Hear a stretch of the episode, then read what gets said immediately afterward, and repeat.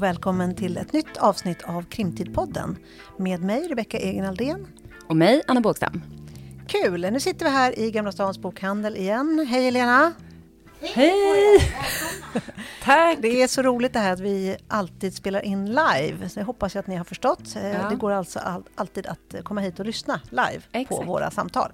Mm. Eh, men idag, vad ska vi prata om idag? Ja, men idag har vi ett tema, alltså det här har jag funderat på jättemycket och jag tror att du Rebecka har ju massa tankar om det här. Men, och det är egentligen hur det är att skriva tillsammans med någon och varför man gör det och så. Och jag tänker ju ibland, lite som nu när jag sitter och tragglar med mitt manus, att så här, gud vad det Då kan jag bli lite avundsjuk på folk som skriver tillsammans. Och jag kan liksom glorifiera det och tänka så här, gud vad vad skönt det skulle vara. Och i liksom passager när man har tröttnat på något kapitel eller någon scen, tänka så här, gud, tänk om man bara fick skicka den till den andra då, så kanske den kan fortsätta och så får man liksom, ja men lättare att hålla igång och så. Men, ja men eller hur, jag får mig att Camilla Grebe sa det när vi hade henne här ja. i podden, att, att man bara skriver en halv bok. Ja. Nu tror jag inte att det är så enkelt, men, Nej, det, det, men det lät men, otroligt ja. skönt. Ja, men det om det skulle vara så. Ja, och sen har jag även tänkt, alltså jag, det är dels i de liksom, sammanhangen när det är så här trögt i det egna manuset. Att, att jag tänker så här, gud det verkar så härligt. Och kanske att det blir lite mer prestigelöst. Mm. Det har vi pratat om ibland liksom, mellan varandra. Mm. Och sen att eh, man också slipper stå själv där med sin bok och eh, liksom stå till svars för den på något ja. sätt. Ja. Det är ändå skönt att vara två. Ja men verkligen. Och jag, jag, jag ser också en stark trend här. Ja. Att eh, det har ju alltid varit så att vi har haft eh, alltså själv, eh, Sjöwallvalet till exempel. Alltså det, det. det, finns, eh, har funnits eh, par som skriver ja. ihop eh, tidigare. Men nu ser jag också att det är många alltså, stand, alltså författare som har skrivit egna böcker som nu mm. går ihop. Jag tänker Camilla Greve, eller Camilla Läckberg, förlåt. Ja, just det. Eh, och Henrik Fexeus och jag tänker Exakt. Pascal Engman. Ja, Anders och Anders i Skåne. Ja, men precis. Jag ska ja. säga, Pascal skriver ju med Johan, Johannes Selåker. Mm. Mm. Eh, så det är rätt många som också har kanske sett den här fördelen att ja. Ja, det skulle vara skönt att skriva lite ihop också. Exakt. Och också många som har liksom ett projekt tillsammans med någon och kanske ett projekt själv. Mm. Typ sin egen serie och någon annan serie. Mm. Mm. Ja, vi pratade om Grimwalkers. Ja, just det. Exakt. Eh, de eh, skriver ju både på egen hand men också tillsammans nu. Mm. Ja, det finns många exempel. Mm. Och, eh, men du har ju också lite erfarenhet av att skriva, kanske inte Ja, nej, inte i någon spänning. Sättet, nej, precis. Du har gjort många samarbeten ju. Ja, precis. Alltså första boken som jag kom med, det var ju en debattbok. Mm. Som kom på Albert Bonners förlag 2009. Skriv ja. från kärnfamiljen. Och den skrev jag tillsammans med Tinne Ernsjö Rappe. Ja.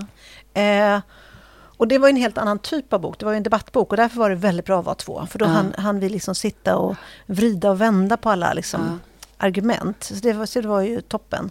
Och sen så skrev jag eh, en bok med Isabella Lövengrip. Just det. Hennes bok, Isabella. Mm.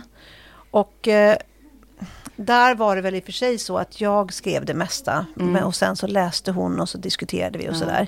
Så det var ju liksom kanske inte så att det var liksom två författare. Eh, men, men, eh, men det var ändå ett nära samarbete Ja, och det, var, det gick också fortare faktiskt ja. att skriva den. Just för att eh, man hela tiden bollade texten mm. med någon. Mm. Så jag tror att det är det man vinner på när man skriver Exakt. med någon. Att man hela tiden har någon att... Ja. Och det är också lite så vi använder våra skrivgrupper. Ja. När vi kör skrivgrupp. Liksom. Mm. För det är också ett sätt att komma vidare på något sätt. Att få, hela tiden få någon ja, men alltså, För mig är det alltså, enda sättet. Ja. Nu är det inte så att, jag, att vi, ska, vi lämnar inte all text. Eh, och det är lite olika sådär, ja. hur, hur mycket skrivgrupp man har. Men, eh, man, eh, men vi ändå Eh, man får sån kick efter att man har pratat med andra författare och läst andra författares texter, tycker ja, jag. Håller helt med. Mm. Men du, vi har ju några gäster som ska komma här Ja, men idag. vi har ju det. Ja. I bakgrunden här hör man att de typ har kommit. Ja, men, precis. men jag tänkte att vi bjuder in de som är experter på det här, som ja. under lång tid har skrivit eh, tillsammans. Och de inte bara skriver ihop, utan de är också tillsammans. Eh, och en kort presentation är ju att de är nu aktuella med sin nionde bok. Så det här är ju någonting tillsammans då. Så det här är mm. något de har gjort länge. Eh, deras böcker har sålt i över 15 miljoner ex. I, de är översatta till, eh, i, de finns i 60, mer än 60 länder. Ja, de var förra decenniets mest säljande författare. Mm. Och då tror jag att ni alla förstår att de vi pratar om är Lars Kepler. Ja, ja men det är helt, alltså det, det är vilken framgångssaga. Ah. Och de skrev ju först var och en för sig. Exakt. Så det ska bli väldigt spännande att höra hur de liksom kom fram till det här mm. att de ska skriva ihop och eh, ja, vem som gör vad helt enkelt. Precis. Mm. Men ska Kul. vi ta in dem då? Ja, men det gör vi. Mm. Okej. Välkommen Lars Kepler. Tack. Tack så mycket. Så roligt att vara här. Ja, så fint. Ja. Vi har ju redan eh, gjort en liten eh, presentation av er som ni inte fick höra. Men eh, jag, jag skulle ändå vilja säga några ord. Eh, ni är ju ett unikum inom, inom svensk spänningslitteratur. Eh, det, ni har kommit ut med den nionde boken i den här Jona Linna-serien. Mm. Och eh, jag vet att ni är sålda till, vad är det, 60 länder eller något sånt där? Eller 60 språk kanske? Mm. Ni får nästan rätta om vi ja, säger fel. Ja. Det känns som att det liksom uppdateras hela tiden. Ja, men det är, men det är, det är väl 60 länder någonting.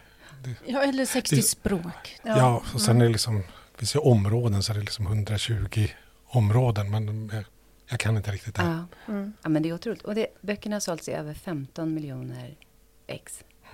Men någonting sånt. Någonting sånt. Ja. Till och med ni ser lite osäkra ut nu. Nej, men det, um, det finns uppdaterade siffror och så, men jag ja. tror att som författare får man inte liksom stirra på det där Nej. riktigt, utan det...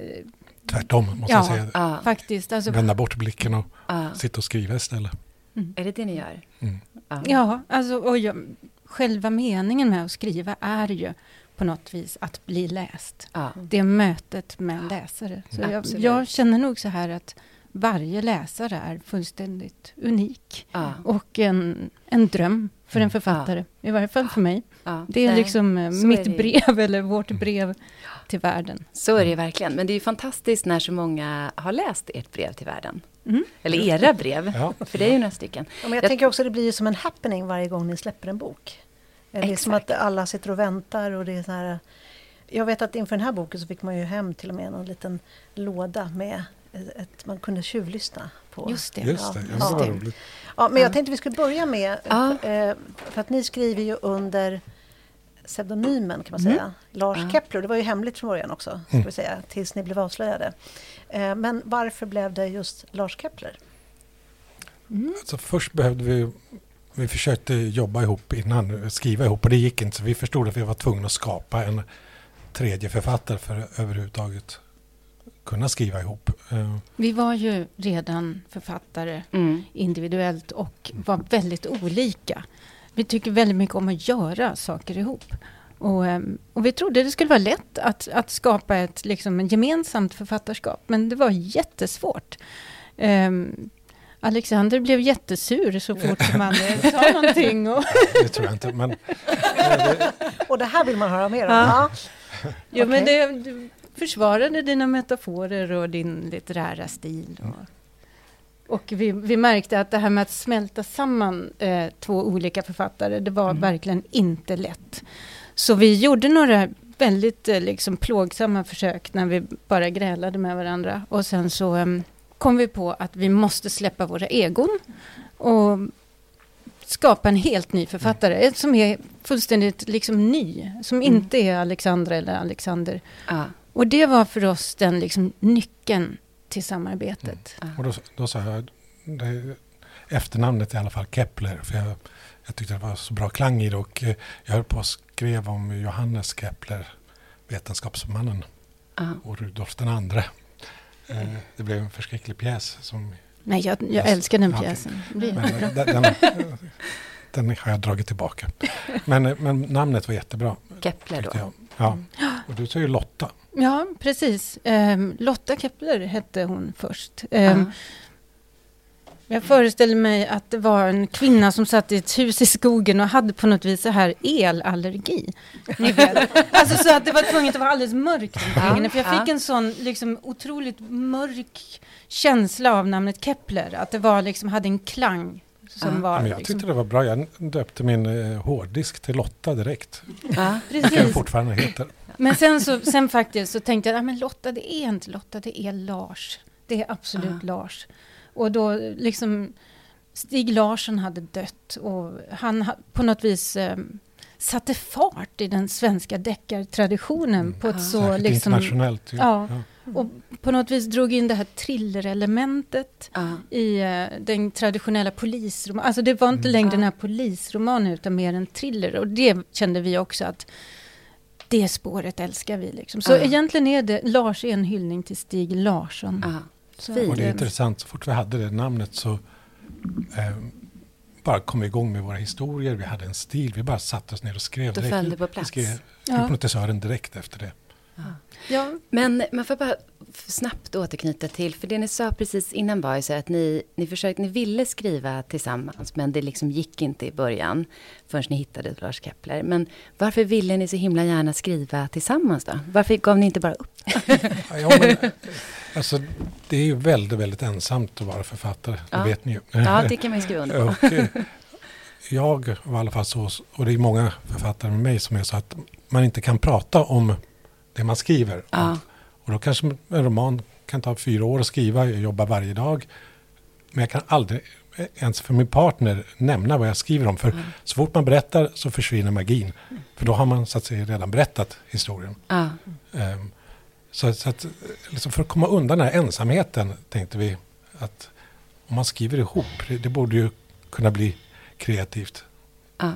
Ja, och och, och liksom ha kvar allt det bra med att vara författare men slippa ensamheten. Ja. Det är det man tänker, att det är Var det självklart att det var med varandra då? Jag menar, ni är ju också gifta. Det finns ju andra författare att skriva med. det, det, alltså, var det självklart att det var Ja, liksom ni som... Inte tanke på något annat måste jag säga. Nej, men det var också det att vi gillar att göra saker ihop. Vi är väldigt eh, samkörda liksom, på något sätt, jag och Alexander. Vi, vi tycker om att göra, vi gör typ allting ihop. Ja. Alexander tvättar lite mer än jag. Mm, Det det är trevligt. Men det är det. men eh, nej, så att... Så, så, som jag minns det var det också så att vi hade precis lämnat in våra individuella manus ungefär samtidigt och, Mm. och hamnade i den här Den liksom... här spöklika tomheten som när Mm. man har skrivit färdigt. Ja. Särskilt när man då skriver alltså, vanliga romaner som inte är en serie. Ja. Så man vet ju det här är avslutat. Jag kommer aldrig Ja. någonsin möta de här karaktärerna igen. Det är ett avsked och ganska plågsamt. Och då, då var vi i den där den spöklika känslan. Ja. Och det var då vi tänkte, nu har vi faktiskt avslutat våra böcker, nu, låt oss testa. Mm. Och så Ja. kom hela det här med Lars Kepler. Och varför Lars Kepler skulle vara hemlig, det var väl liksom mer att det var en sån magisk nyckel till vårt samarbete. Ja. Att vi inte ville liksom eh, förstöra, vi var rädda att allting skulle förstöras, den här bubblan som vi hade Ja, vi försökte ju tillsammans. skydda den på alla möjliga sätt. Eh, Vi, I början gav vi liksom Lars Kepler massa egenskaper och en hel historia. En, Han hade till, Alexander gjorde till och med en bild av honom. Så vi vet precis hur han ser ut. Ser Oj, han det är som då? 33-åringen i Palmeutredningen. Ja, men hur ser han ut? Det är väldigt trevlig ut. Han, är, han har eh, helskägg, lite eh, alltså, rufsigt ovårdat hår, eh, väldigt skygg, skygg blick. Han är en skygg person. Han är före detta gymnasielärare. Mm. Som eh, jobbar på ett härberge för hemlösa Okej. på dagarna och så Ja. skriver han på nätterna. Mm. Mm. Men, Så ni hittar på både en person och sen sa ni också att ni hittade ett språk. ja, det Den kom, här personens språk. ja det, det, det är det språket som vi har sen med oss. Ett liksom ganska stringent. Eh, Så vi tyckte ett genomskinligt språk på något sätt eh, där handlingen står i centrum Ja. och, eh, och eh, presens. Vi Mm. skriver i Mm. presens eftersom det på något sätt är ett mera ett osäkerhetselement. Vi går Aha. jäms med läsaren Ja. så det, att det är säga. ju ett thriller-tempuset tycker Ja, vi. Eh, Ja. Man det vet inte om med. huvudpersonen kan överleva. Det, det, huvudpersonen kan dö på nästa sida. Ja, och det är inte För en det är inte- återberättad För den historia. klassiska polisromanen är ju eh, låt mig berätta om det här intressanta fallet. Men då vet man ju redan att berättaren Lever. Ja, Ja. i alla fall generellt. Ja. Mm. Nej, men jag håller Vi med. hade ju Lotta Olsson här, eh, alltså kritikern i DN som gäst i podden. Och hon sa just det att det finns en presenstrend och att det är ni som bär ansvaret. Skulden eller Ja, förtjänsten till den presenstrenden. Kan det vara så? Ja, men det har vi faktiskt hört. Flera kollegor som har sagt att de har gått över till presens eh, just för att det... Ja, de blev inspirerade och det är ju jätteroligt. Mm. Men det har ju Sen vet inte jag om det är bra. Ja, precis. Det är lite svårare att skriva i presens. Ja. Eh, eh, eftersom vi befinner oss på samma plats som läsaren.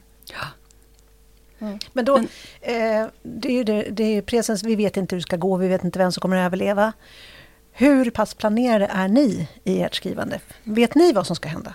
Ja, mm. alltså vi börjar med, med, en idé och sen utvecklar vi den. Eh, vi tar otroligt god tid på oss. Det tar flera månader när vi bara jobbar med, med intrigen. Små papperslappar som varje lapp innehåller en händelse för en person, i, en karaktär i berättelsen. Och sen lägger vi upp de här på ett bord eller hänger upp dem på en vägg så vi kan överblicka linjerna, varje karaktärs bågar genom historien och där de möts och, och så vidare. Så skriver vi nya lappar. Eh, står vi liksom och drömmer upp historien om och om igen tillsammans. Eh, flyttar runt, ändrar. Så att tills vi liksom är helt säkra på att vi har vår historia. För att vi är ju två författare så det är väldigt bra om vi skriver på samma. Ja, vi, må, vi, måste liksom ja, veta underlättar, ja.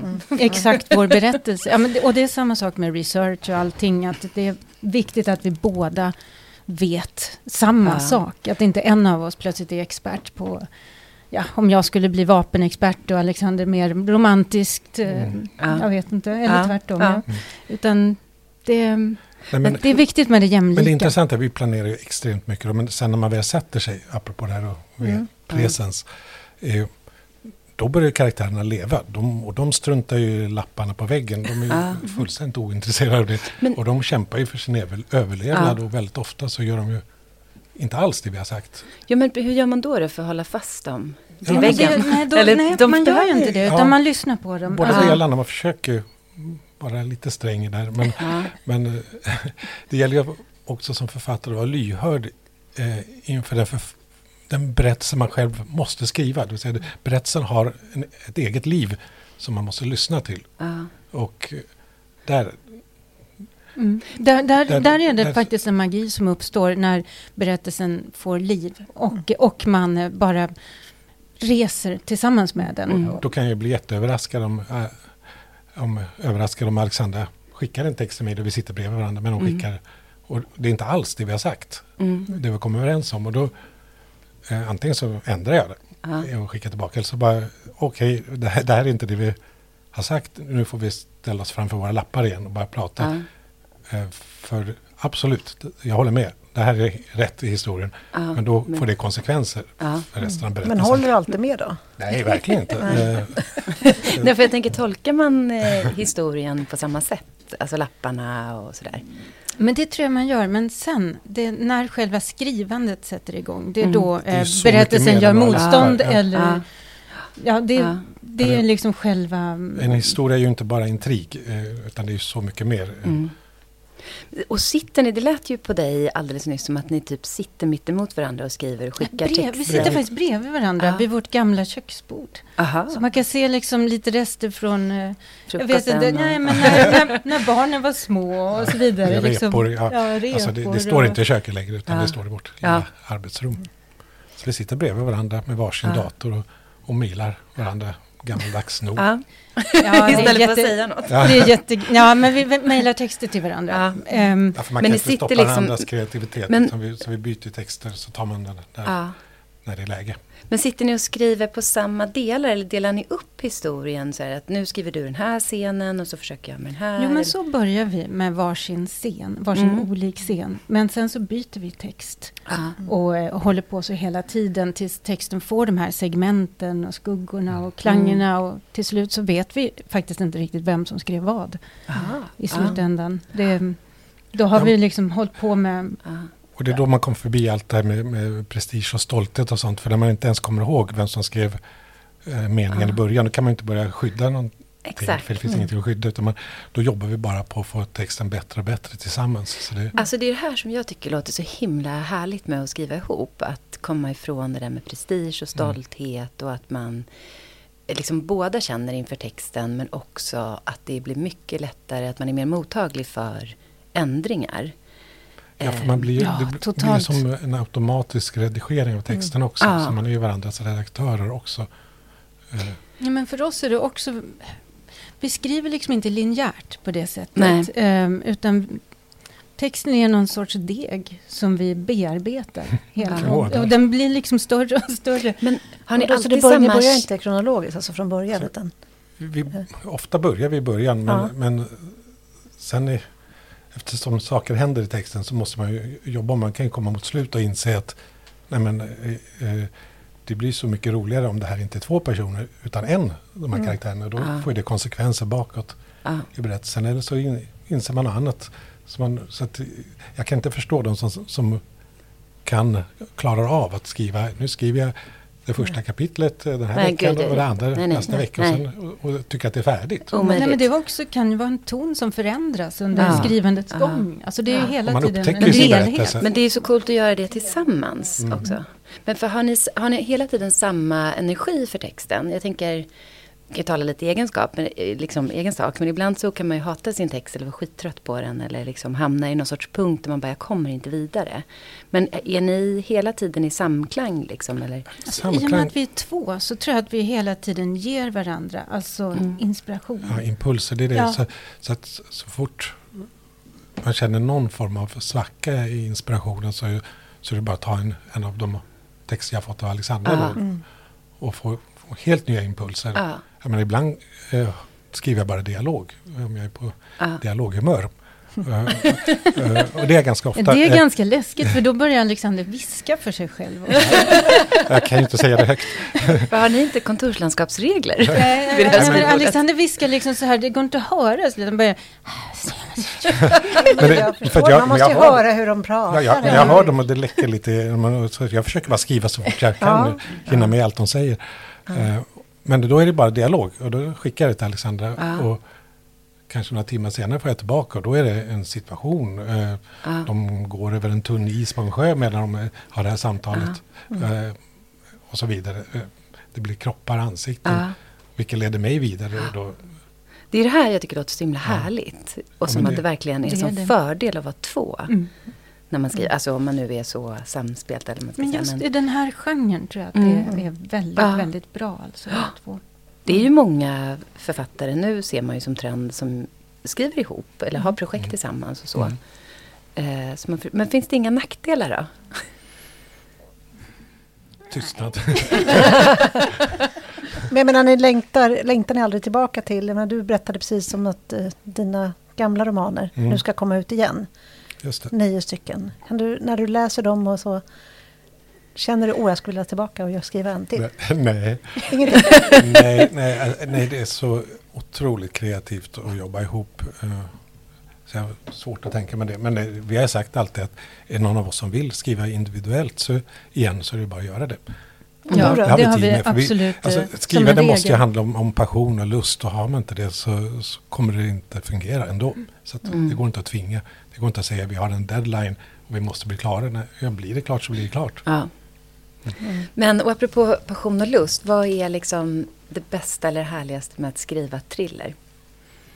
Varför blev alltså det den, den genren är bara så rik på något vis. Mm. Alltså, den har den här den extrema dramatiken mm. och mm. eh, hjärtat eh, som slår. Jag tror att för vår del handlar det jättemycket om empatin. Mm. Alltså mm. att blåsa liv Um, sen så är man ju också, på något vis som författare, är man ju en, en sadistisk gud. Mm. Som tvingar sina karaktärer till ohyggligheter. Liksom, mm.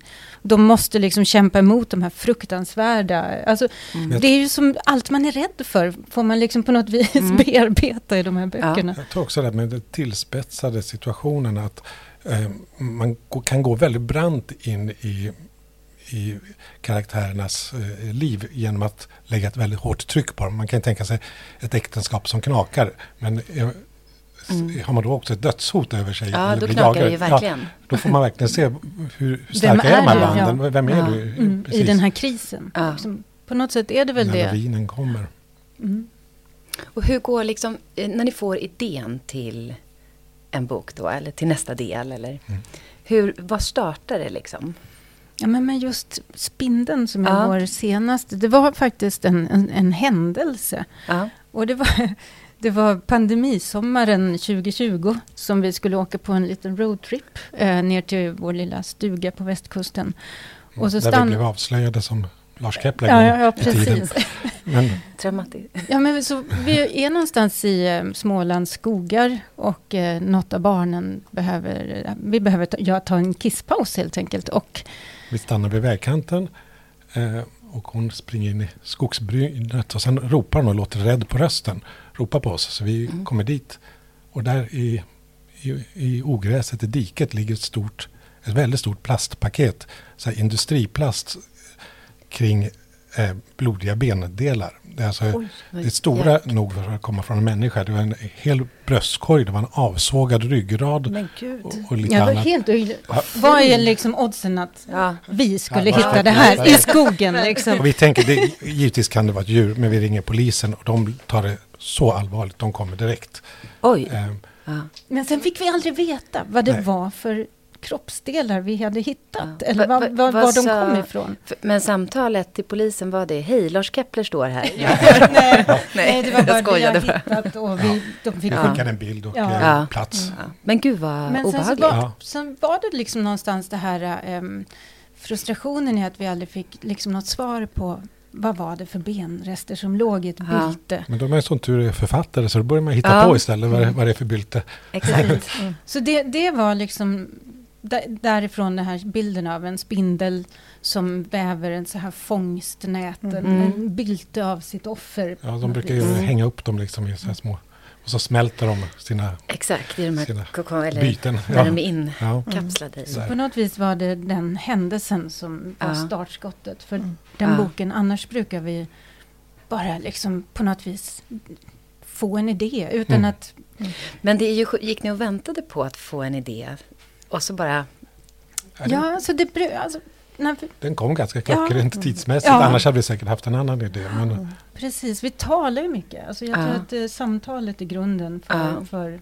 Och sen har vi de här, eh, den här väldigt livliga fantasin. Mm. Så ofta är det så här Mm. att vi, när vi avslutar en bok, det, i sista tiden och sista veckorna så är det liksom jätteuppskruvat tempo hos oss. Vi är eh, nästan maniska i det här. Vi struntar i allt som tvätt och ja. disk och sånt. och Bara, Här är det ju Sen- skönt att leva tillsammans, Ja. att den man lever med har förståelse för. och så Ja, avslutar den här fasen. och sen, så Eller när, ingen som gör det.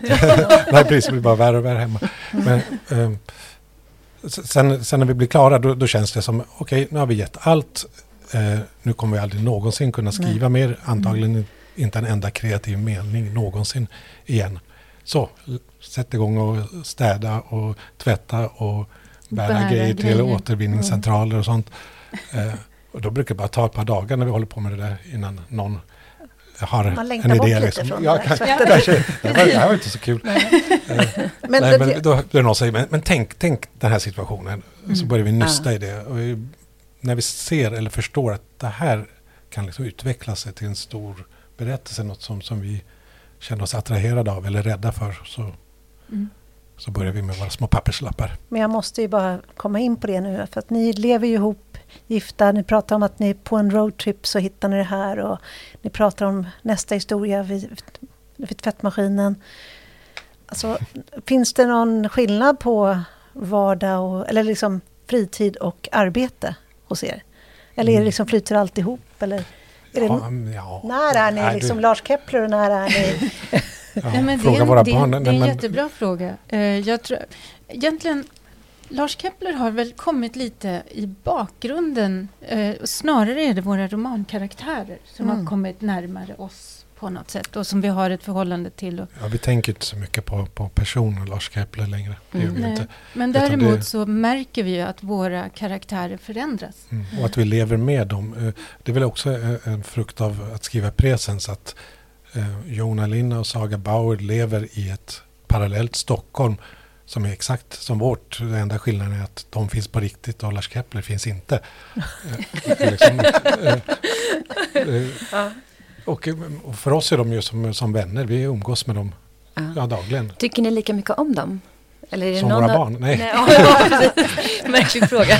Nej, men, eller är det någon av dem ni tycker mer Nej, om? Eller tycker- tycker ni samma om dem? Nej men, nej, men vi är väl otroligt fascinerade av dem och samtidigt så utsätter vi dem för allt det här. De, de Mm. har det ju väldigt jobbigt. De har det ju jobbigt hela tiden, Ja. känns det som. Mm. Och, så, och eh, det som var överraskande nu med spindeln tyckte vi var att Jona har liksom börjat tvivla på att han faktiskt gör världen till en bättre Mm. plats.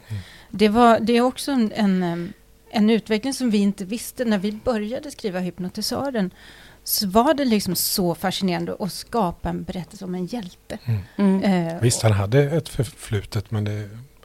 Men sprickorna Mm. har liksom Mm. visat Ja, sig mer sig, och mer Mm. eh, för varje bok. Och det, det är en sån sak som vi är överraskade av. Som Mm. vi inte har liksom diskuterat. Mm. Utan det, Men och, och hur levande är de då? Ni säger att de lever där i parallellt. Men är det så att barnen någon gång säger vid liksom middagsbordet att okej, nu är inte Saga och Jona här, kan vi prata om någonting? Eller, eller liksom hur mycket är de i er vardag? men de är nog mer i våra huvuden Ja. än vid middagsbordet. Ja, eh, tror jag. Det, vid middagsbordet vill vi gärna höra någonting annat. Liksom. ja, men det är också så att vi har ju inte varit som de gamla tidens författare som måste ha tystnad och stängda dörrar utan barnen är vana vid oss eh, som författare. De har aldrig respekterat eh, det på något speciellt sätt utan när de var små man lärde sig att skriva med ena handen och ha barn i knät. Liksom. Det, de kommer in och de pratar.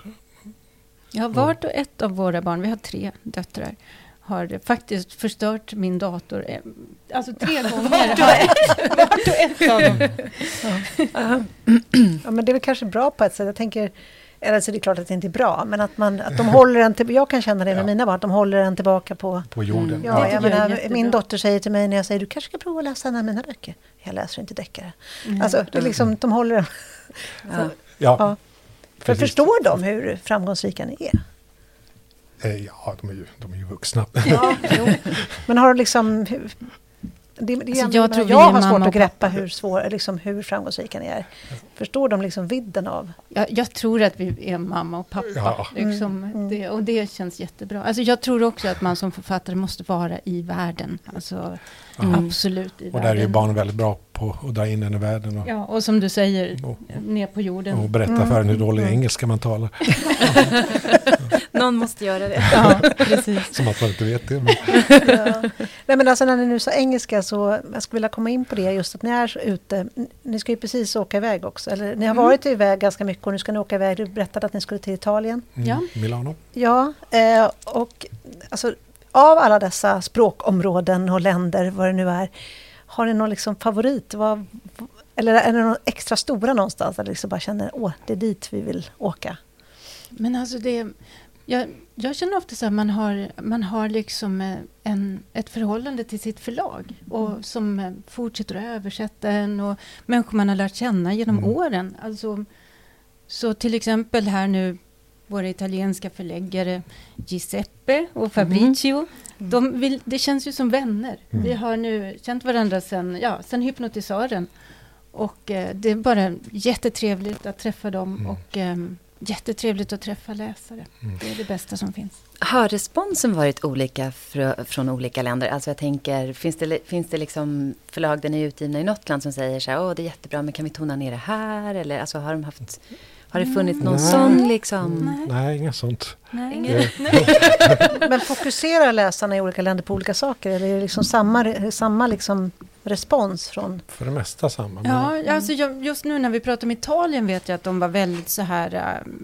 eh, ägnade sig väldigt mycket åt eh, relationerna i familjen, pappans roll och så vidare. Mm. Alltså, och jag vet att i Holland är, är det väldigt mycket samtal kring eh, Jorik Walter, vår Mm. skurk. Alltså de, Mm.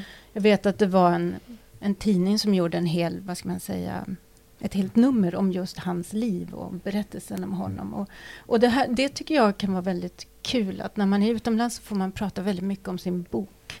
Mm. Det, Eftersom vi inte är liksom, vi är personer som har skrivit en bok. Det är boken Mm. som är intressant. Mm. Liksom, och Mm. Det gillar man ju att prata om som Ja. författare. Ja. Det är typ Ja. det enda man vet någonting om här på jorden, är sin bok. Ja. men, men om vi nu ska prata om boken då? Eller om, Det var, inte så jag, det var inte så jag menade. Nej, problemet är ju, det är ju svårt att prata om böckerna för man får inte spoila. nej men exakt, Nej. Så då får exakt. man prata om karaktärerna och deras Ja, utveckling. exakt. Det är därför vi tassar lite runt. Ja. eh, Men hur skulle ni själva liksom hisspitcha spindeln då? Hur skulle ni liksom beskriva den? Mm, ja, men jag skulle säga så här att I Spindeln möter Jona Linna och Saga Bauer en helt ny sorts seriemördare som eh, ger polisen möjligheten att rädda sina offer mm. om de bara lyckas lösa en gåta innan det är för sent. Mm. Mm. Så skulle jag mm. presentera ja, den. Men, men sen sitter den också ihop med väldigt mycket med slutet på boken innan, Spegelmannen. Mm. När Saga Bauer är på en form av rehabilitering och får ett vykort med en bild på, eh, från Kappelskär på den gamla kolera kyrkogården. Um, och på textsidan så står det ett märkligt hotfullt brev om, om en, en röd eh, pistol med nio vita kulor i. Varav en väntar på Jonna Linna. Mm. Eh, och att Saga är den enda som kan rädda honom. Det, mm. det är liksom innehållet i kortet. Men det här är ju tre år sedan. Mm. Och när den här boken börjar så är det här ju bortglömt som ett mm. ja, tomt hot eller dåligt skämt eller någonting. Mm. Men eh, när de hittar en mjölkvit liten patronhylsa vid det första offret. Mm. Så eh, börjar de förstå att det här är inte något som bara händer. Det är ju är vitkokt silver. Mm. Vilket är det är väldigt avancerat. Ja. ja. Mm. Det är en oerhört eh, avancerad eh, eh, gärningsperson, hur man ska ja, säga. Men det var intressant. Enorm planering. Och ja, ja, men det var, det var väldigt roligt att skriva om en sån här sorts seriemördare som är typ, ja, så det finns väl Zodiac Killer ja. ungefär som kommunicerar, skapar gåtor mm. och um, jag tänker att det är personer som är lite som pyromaner som säger mm. att titta kan ni inte rädda offret så är det ju mm. ert fel.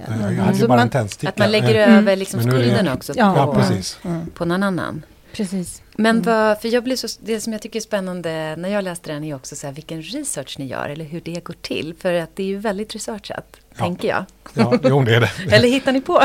Nej, eh, vi hittar på en del, men eh, allt det som är polisarbete och sånt, det är ju på riktigt. Ja. Mm. Men det är ju så roligt också med de här böckerna att själva berättelsen är ju fiktiv medan, ja. medan det tekniska ska ju stämma. Mm. Alltså det mm. måste ju vara, det finns ja. liksom en ja, en autenticitet som ja. behöver finnas ja. i de här böckerna ja. kring forensisk teknik och polisarbete. Ja, vi drar ju upp tempot lite. Liksom det, det, ja, det, man kan inte sitta och vänta på NFC hundra Nej, precis. Men... de, de får komma med svaren snabbt. Ja. Det, precis, byråkratdelen är borta. Ja. just det. Men du sa Alexandra tidigare att, ni, att det var viktigt att inte en av er var expert på något, utan att ni gör ni researchen tillsammans då, så att mm. ni ska förstå lika mycket. Liksom. Ja, men det gör vi. Ja. Det gör vi. Hur kan det se ut då när ni gör research? Hur är en research vi, ja, men till men exempel... Som till spindeln, finns det inget ni, exempel ni kan så nämna? Vi provar alltid vapen. Så vi, provar alltid vapen? Ja. Mm. ja, men det... Hur, hur, provar man vapen? Man har en bra kontakt och så får man Vi har en jättebra kontakt. Och ett bergrum. Oj, eh, som vi, där vi brukar... Därför att alltså, som sagt, vi skriver inte de här böckerna för att vi tycker om vapen och våld, utan för att vi faktiskt är väldigt rädda för vapen och ja. våld. Och det är en helt annan sak att känna ja. rekylen, alltså kraften ja. i ett vapen. Och det ja. återigen blir ännu mer gåtfullt att någon kan men, använda det mot Men hur, hur hittar man de här kontakterna? Jag tänker, jag till exempel eh, kommer själv från juristvärlden och utnyttjar hänsynslöst, eller på att säga, mitt eget nätverk av jättesnälla gamla vänner som jobbar med det inom rättsväsendet. Och hur, hur gör ni liksom? Hur, kommer man i, hur får man i kontakt med den här personen som har ett vapen och ett bergrum att langa fram? Ja, ja men bara man, flera år sedan. Ja, bara man hittar honom. personen så är det lätt. Men det, för de flesta vill faktiskt hjälpa till. De ja, det är ja, det är verkligen det är min ja. upplevelse, absolut. Så det, det, är inte så svårt faktiskt. Ja. Det, Ja, mm. sen så, ja, min lilla syster är läkare, så hon mm. kan också alltid leda oss rätt ja. till, till de ja. som är experter på just den konstiga hjärtoperationen som vi mm. behöver veta ja. om och så vidare. Vad har varit er, alltså nu lite konstig fråga här, vad har varit er sjukaste upplevelse när ni har gjort research? Vad har liksom... Alltså det var väl en gång när vi traskade in på en sluten rättspsykiatrisk anstalt och... Eh, Konstigt nog var det olåst. Det var olåst, ja. Och eh, ingen mötte vår blick. Och vi fick en känsla av att vi var spöken eller något. Mm. Som bara rörde oss på det här området där Men vi egentligen inte skulle... Ja, och det var väldigt så här... Um, klock, alla klockor dockor gick fel. Och det var liksom så här... Alltså, Ingmar Bergman Ja, och vi kände till slut att vi kanske bara backar ut Ja. härifrån och så ringer vi och bestämmer en tid när vi ska, Ja. kan komma och titta. Ja. Jag minns fortfarande det som, som väldigt så här Annars konstig känsla. Kumlaanstalten var en väldigt märklig upplevelse också. Vi var varannan dag där men det var ändå... Alltså, Förstår att, det. Att känna det här, det är en, också någonting som man inte kan googla sig till. Hur Nej. det är eh, rytmen, de här kulvertarna. De har ett kulvertsystem under Mm. för att framförallt förhindra rymningar. Eh, om någon rymmer så bara stänger de av den delen av kulverten och, eh, Mm. och faktiskt inte gör någonting åt eh, gisslansituationer. Så det går inte att, att de flesta förflyttningar sker utan personal. Liksom. Mm. Så att Så- gå i de här kulvertarna, förbi kulvertkryssen och man får en sån konstig eh, gångtakt för man måste Man räkna in, hela tiden in framför en stoppen och så blir man Mm. kollad och så Mm. släpps man igenom. Mm. Så det är slussar hela tiden. Och det hade man ju inte kunnat föreställa sig, just Nej. hur att alla går annorlunda eftersom de hela Mm. tiden måste stanna. Och de här köksavdelningarna med knivar som sitter fast i stålvajrar och har avsågade spetsar. Och det, det är så märkligt. Och um, isoleringscellerna hade jag inte heller kunnat föreställa mig att de är så präglade av mänsklig närvaro. Alltså att känna att en kropp har varit här och haft ångest. Alltså det Mm. liksom finns en särskild sorts lukt eller känsla. Mm. Ehm, och så detta att vart man än tittar så är det liksom en mur. Blicken Ja. får aldrig Mm. liksom Mm. Ta sig långt fram. Mm. Det är så... Ja, gud vad spännande. Det är ju bara ett äventyr i sig att få göra all den här researchen. Ja, men det är det. Men jag tänkte, du sa tidigare eh, att ni, du, ni är inte intresserade av våld och vapen utan av rädsla. Mm. Och det är ju, det är ju ofta det man, man hör om, om era böcker, att det är så otroligt våldsamt. Eh, berätta om den rädslan och hur, liksom, hur är det liksom någon slags bearbetning eller vad?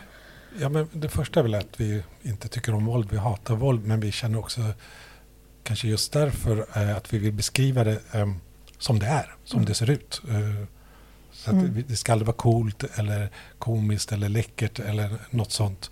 Utan det ska vara så otäckt som det faktiskt är på riktigt.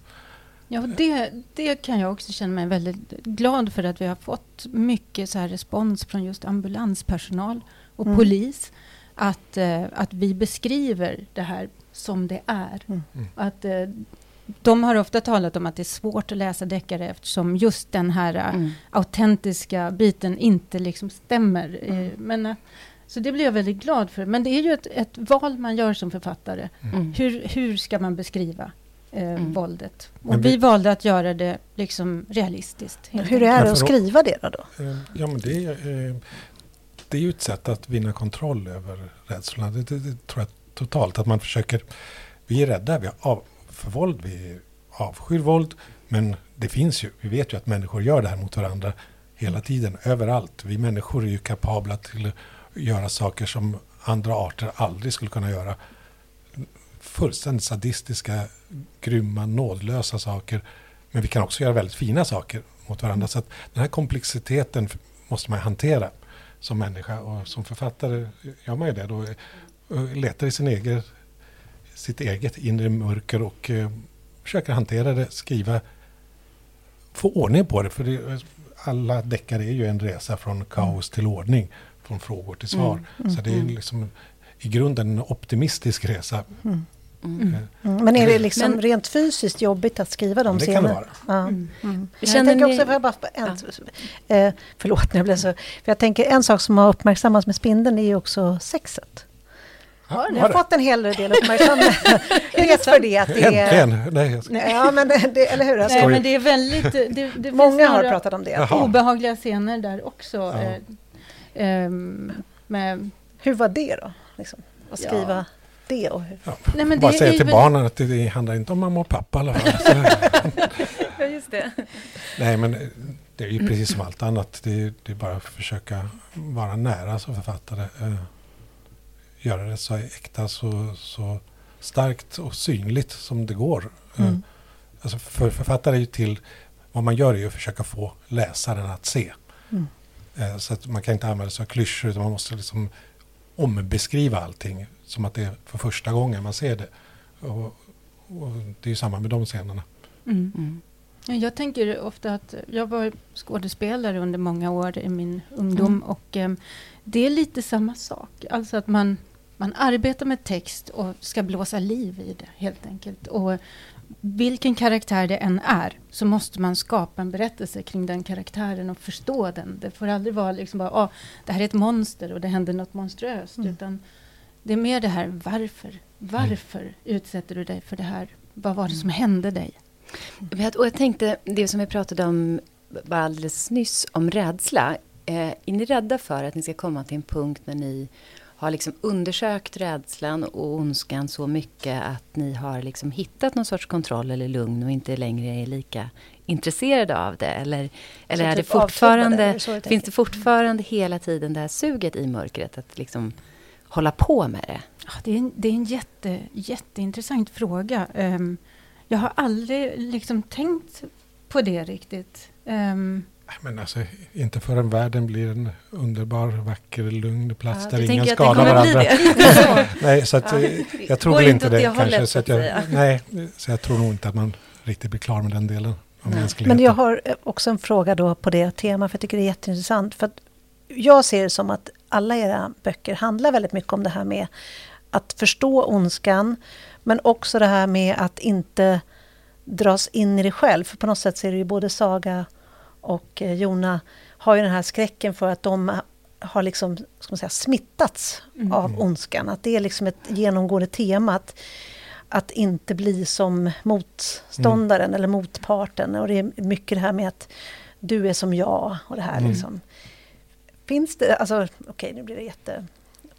Jag tänkte på det Anna sa, alltså är det, mm. kan ni känna att det liksom ni dras in i det också? För det var ni undersöker ju också ondskan. Alltså jag kan känna så här att jag, jag drömmer ju mardrömmar när vi skriver våra böcker. Mm. Um, och det är alltid vid en viss liksom, del i processen som mardrömmarna kommer. Och, det, och då är jag i den här berättelsen, i ja. den här fruktansvärda mardrömmen och um, försöker liksom klara mig. Eller vad det, Uh, och nu har Alexander också börjat drömma mm. mardrömmar. Uh, så att, så att jag vet inte om det... är rättvist. ja, det är det ju ändå. så, så på något sätt så klart, uh, uppenbarligen har det ju sipprat in i våra omedvetna, liksom, ja. i våra själar på något sätt. Men det enda jag tycker som man kanske känner sig alltså, nersmutsad av eller dåligt påverkad av är ju delar av researchen då, mm. eh, där man faktiskt läser om riktiga brott, mm. riktiga mm. offer, äkta lidande, eh, mm. ser på bilder från riktiga brottsplatser. Och det, det tycker jag smyger sig in och det är väl säkert därför vi, vi mm. det är så att också Jona och Saga eh, påverkas. För det, det kostar ju någonting att skriva. Mm. Mm. Det ger väldigt mycket men det kostar också. Men ja. händer det att ni tänker då så här, vad fasiken håller vi på med egentligen? Alltså i, i alltså delar det... av den här processen när det då inte är så skönt, när man har kanske mardrömmar och är liksom ja, men alltså, men research, eh, När vi gör research så kan jag verkligen känna att eh, nu, nu jag vill inte se på en enda bild i onödan, utan det, det, måste jag så måste jag och då gör jag det. Men det finns inget liksom hung, ingen hunger i mig efter mm. detta. Eh, det, det, känner jag som ett sundhetstecken. Och så fort man skriver om det, då är det att ta kontroll igen. Då är det gör man det till sitt mm. eget. Mardrömmarna går ju över. Alltså mm. det, det här, allting handlar ju om en resa liksom, där det ska bli bra. Mm. Um, det är, väl, det är, är det liksom... det som är belöningen då, att få skriva de här? Jag tänker på, vi ska inte spoila någonting, men liksom, det är en ganska fin scen mot slutet. Mm. det, det var i alla fall inte att spoila. Nej, alltså, nej, men jag säger inte vem det är. Men alltså det, det, mm. det, det, finns liksom lite försoning och det finns liksom... Man känner ett hopp Mm. Man säger kärleks, eh, mm. kärlekshopp. Ja. Eh, ni förstår vad jag menar, ja. kanske, utan ja. att spoila. Eh, mm. är det liksom, finns det någon lättnad i när man kommer till de scenerna då? Jo men, jo, men det är ju det. det. Och så är det ju då att då har man på något vis fört hela den här berättelsen i hamn. Mm. Då är ordningen är återställd. Mm. Och det är väl det, är väl det liksom att vi, vi lever i ett kaos. Men mm. i, i just den här sortens böcker så kan vi, vi kontrollerar kaoset. Sen ska man inte glömma bort att det är ju underhållningslitteratur vi pratar om. Mm, det här ja, är ju meningen mm. att vara underhållande. Mm. Sen tycker vi att kriminalböcker funkar väldigt bra för att diskutera viktiga saker också. Mm. Eh, viktiga frågor, samhällsproblem. Mm. Mm.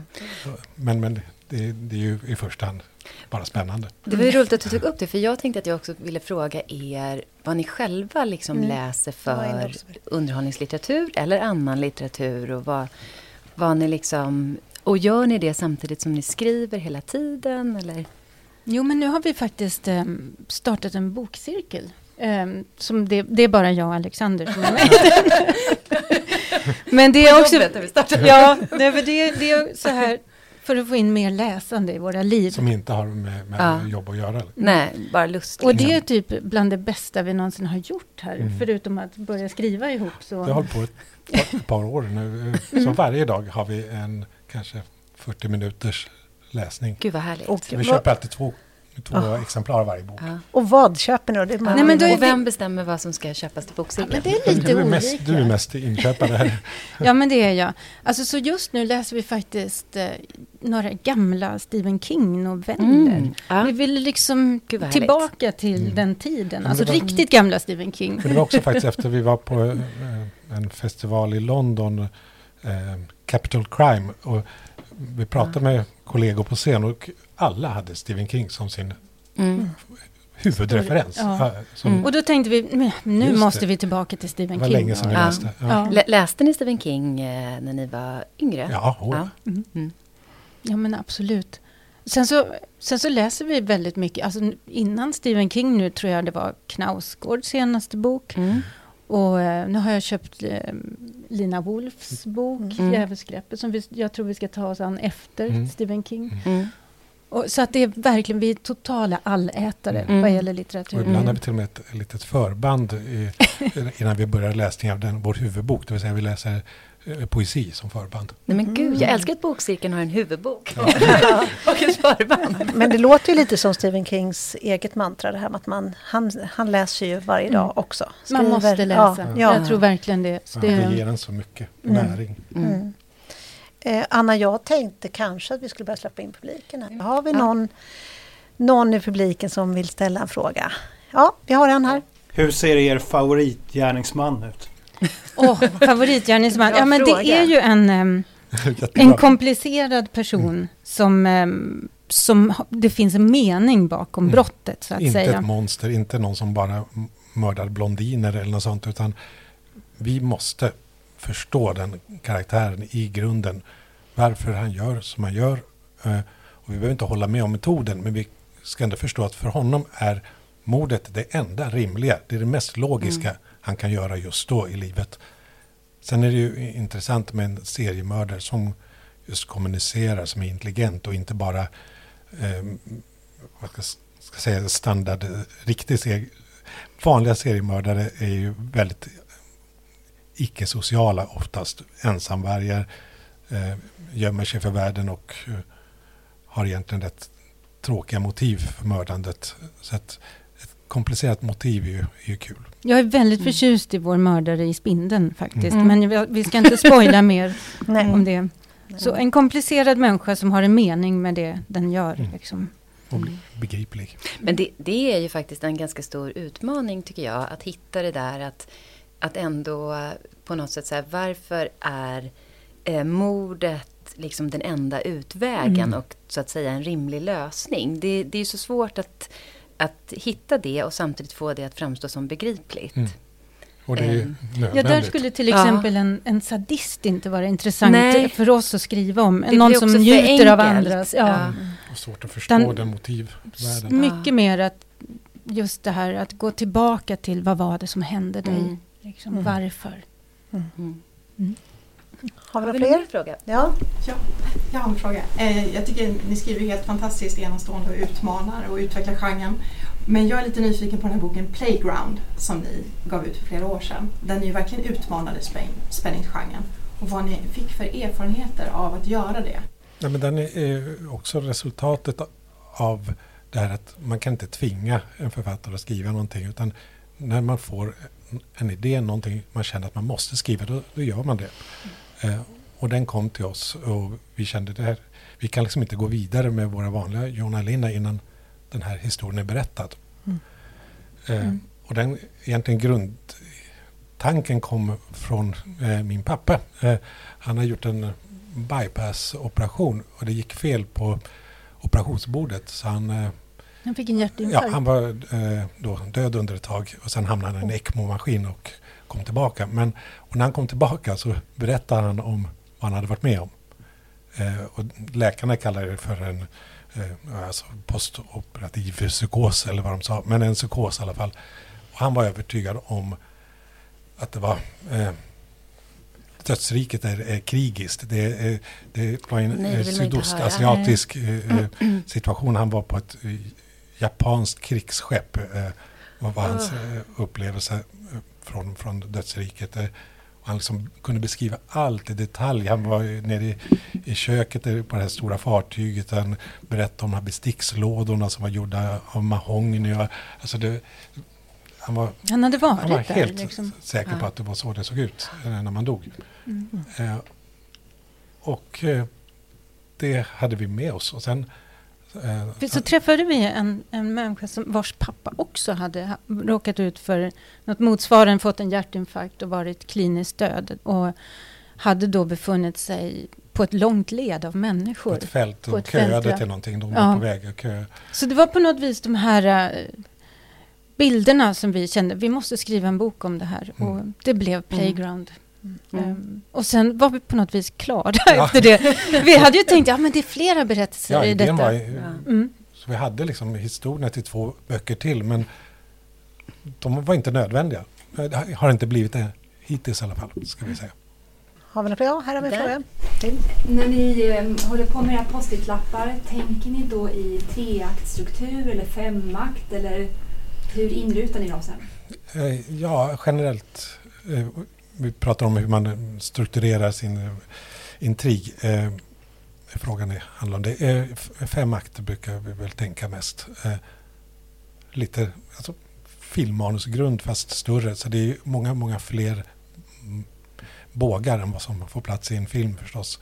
Det är ett ganska stort omfång, eh, en roman på 500-600 sidor. Ja, men det tycker jag är så intressant att eh, böckerna har ett särskilt format och man Mm. känner formatet redan från början på något vis. Att Mm. här, eh, här, våra böcker är ofta liksom typ 300 datorsidor eller något sånt. Så Mm. för mig är det Mm. väldigt mycket per 100 sidor, tre akter. Mm. Eh, Mm. tänk, brukar jag det tänka. spelar Liksom. roll. Precis, vi, jag, jag tänker fem, du tänker tre. Ja.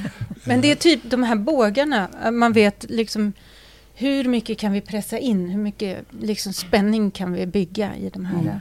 Och att man hela tiden, alltså klassiskt man bygger bågar eh, och, innan man har mm, gett svar på första gåtan så måste man ha startat en ännu intressantare gåta eh, förstås. Mm. Men att inte heller spara alla svar till slutet utan det, man måste skörda under vägen. Får jag fråga då? eh, För jag tänker, båda ni har ju skrivit helt andra saker tidigare. Tror ni att det här är någonting man kan lära sig eller är det liksom en känsla man måste ha med sig i berättandet? Det ni pratar om med bågar och hur liksom ändå takten går i en, eh, en thriller. Jag tror båda delarna. Eh, Ja, jag tror att man verkligen måste vilja skriva. Mm, för att ja, man måste Ja. liksom vara kanske lite, liksom, som sagt, insnöad på något sätt. Eller för att ägna sig alltid Mm. Ja, åt... tror, har man den passionen för det och man läser en bok som man tycker är jätte- jättespännande och har svårt att släppa den, då måste man fråga sig varför tyckte jag att det här var så spännande? Ja, Så, Ja. så det måste ju börja i passionen, men sen Ja. försöker man ju förstå det antar jag, Ja. som författare. Ja, Alltså, för, för, för ibland så tänker man alltså, jag läser också superbrett eh, och tycker om eh, jättemycket olika böcker beroende, ja, av olika skäl. Ibland känner jag att vissa kriminalromaner som jag har läst, eh, till exempel, då kan det vara ett jättevackert språk, men kanske den här känslan för en spännande historia och hur man berättar en spännande historia saknas. Mm. Eh, och att det faktiskt kan vara en brist. Och då tänker jag så här, det kanske, det kanske inte alla har Nej. på ett Nej, men- naturligt sätt. Men det är väl lite också ute, vad man är ute efter som författare. Ja. Det, det kan ju faktiskt Och som läsare, tänker jag. Ja, Mm. Ja. som läsare, precis. Det, det kan, man kanske inte alls är ute efter att Nej, få nej, hjärtklappning. nej, precis. Man kanske bara vill, eh, Jättekonstigt kanske alla inte är ute efter det jämt. Nej, men så är det ju verkligen. Mm. Men det, det, är också så roligt med, med deckargenren, att den innehåller ju allt. Alltså det, som du säger, man kan bygga bygga en poetisk historia kring ja. ett mord eller något oväntat som händer. Eller, mm. eller, ja. eller så kan man gå rakt in i liksom, samhällsproblemen mm. och så vidare. Mm. Jag, har, eh, jag vill bara knyta an för du sa att man måste vara lite, vad sa du? Insnöad. Ja, exakt, insnöad. Jag tänkte lite så här nästan lite nördig så. Och då kommer jag att tänka på det vi pratade om innan vi började podden. Att vi bara konstaterade vi, vi pratade om att, att vi var introverta, du och jag Alexandra, mm. och sen så kom du och sa ja, jag är så introvert. och eh, ja, de flesta författare jag känner är ganska introverta. Mm. Hur, hur är, måste man vara det? Eller? Det vore jätteskönt om man inte var Ja, det. jag håller med. Alltså, ja, det är en, det är en liksom, disposition som jag tycker blir värre och värre på något mm. vis också. Alltså, så man ehm. lär sig det andra. Det är jättetrevligt att sitta och prata med er. Och, mm, det här är mysigt. Ja. Det här är jättemysigt, ja. så det, det, är inte det. det. det. är bara att...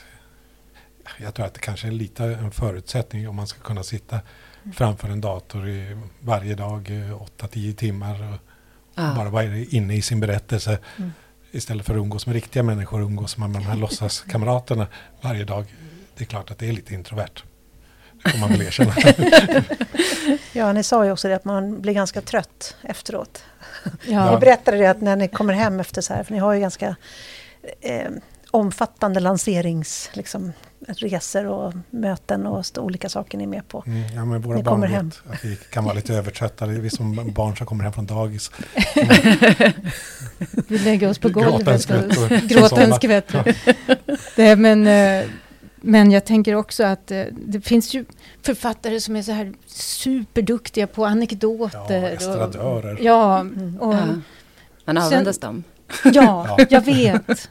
Jag vet. Mm. Nej, men jag vet. Det var någon regissör som pratade om, då när jag var skådespelare, pratade om att vara en det var en tysk regissör, en Schauspieler in das Cantina. Alltså det, skådespelare som är liksom stjärnor i kantinan, i matsalen mm. eller på scenen. Alltså mm. på något vis, vi lägger väl vårt krut på um, berättelserna mm. lite. Mm. Mm. mm. Jag vet inte. Ja, men jag, det var väl en ganska bra det var en ganska bra sammanfattande avslutning. Ja, men då tycker jag vi tackar Alexandra och Alexander så otroligt mycket för att ni kom hit. Och tack till publiken. Ja.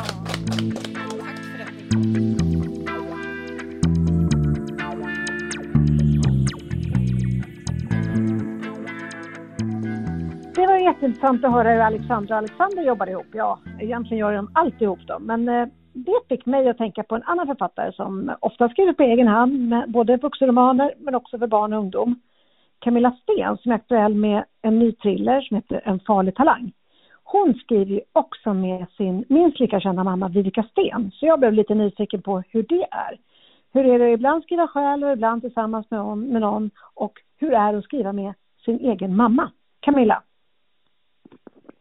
Det där är en fråga som jag får ganska ofta faktiskt. Hur är det att skriva med sin mamma? Och jag tror att det är många som förväntar sig att man ska säga någonting i stil med att det är väldigt svårt och att vi bråkar väldigt mycket. För familjerelationer är svåra. Det finns en anledning till att vi inte alltid blandar in dem i jobbet.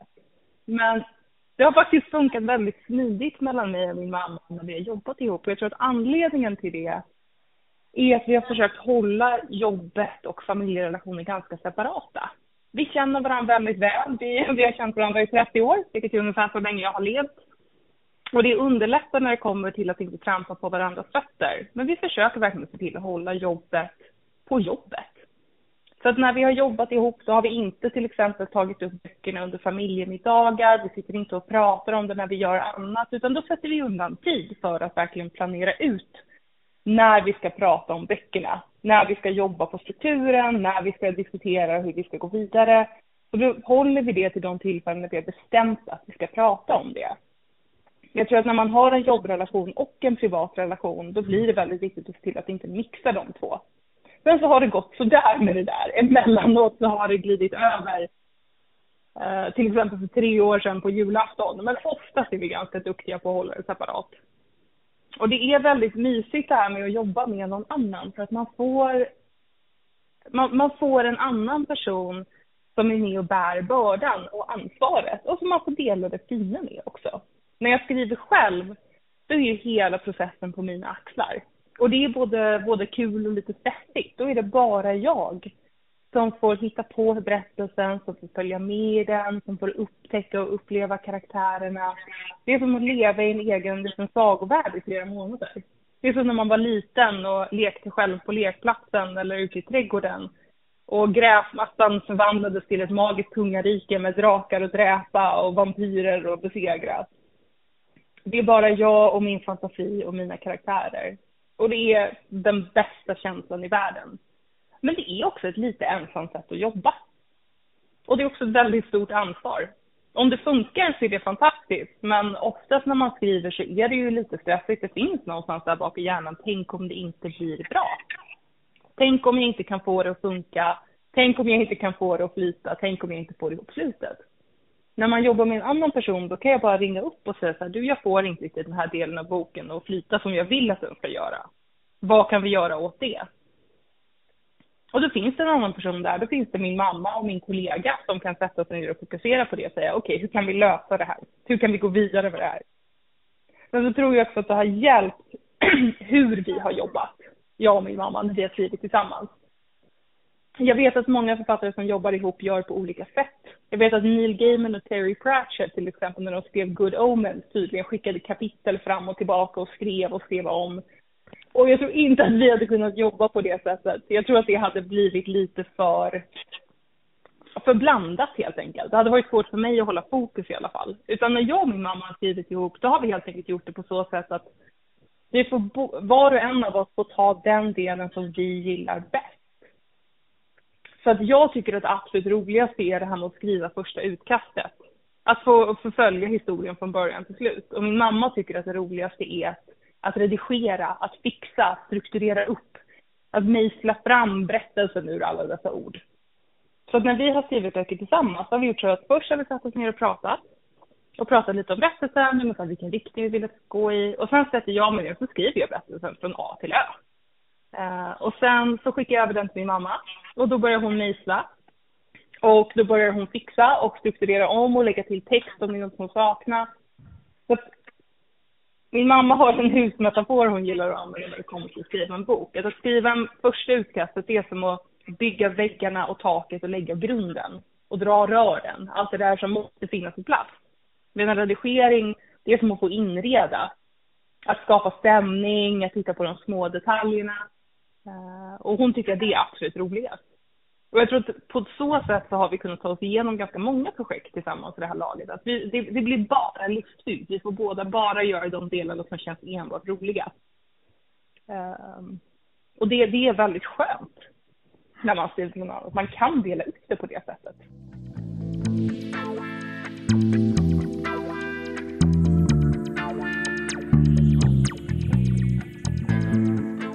Ja, men det här var ju jättespännande att få höra lite mer om det. Och Kepler, de bjöd ju verkligen på sig själva och hur det är att skriva i par. Är du sugen på att skriva ihop med någon nu, Anna? Eh, men jag är ju supersugen på det. Gud, jag, jag såg bara fördelar. Ja. Du då? Ja, men absolut. Jag känner också att det mest verkar vara fördelar. Ja. Eh, men du, vad händer här mest? Eh, jo, men det är ju som så att det kommer ju mer avsnitt. Och det var ju också lite roligt att eh, Alexandra Alexandra nämnde eh, Stephen King som inspiration. För jag tror att vår nästa gäst i Krimtid-podden också har en ganska stark relation till författaren Stephen King. Man skulle nästan kunna säga att det är Sveriges Ja, Stephen exakt. King. Det skulle man verkligen kunna säga. Eller en i alla fall. Ja. För den som kommer och gästa oss vid nästa avsnitt är Jonna Ride Lindqvist. ja, det ska bli jättekul. Och tills dess så kan man följa oss på Instagram. Krimtidpodden. Ja, Och där kommer vi också att lägga ut liksom kommande program. Så där kan man gå in och titta om man vill komma och titta på när vi spelar in. Det är man ju jättevälkommen till Gamla Stans bokhandel. ja, eftersom vi alltid spelar in live. Och eh, jag vill också säga tack till Gamla Stans bokhandel. Ja, tack! Hej då! Hej då!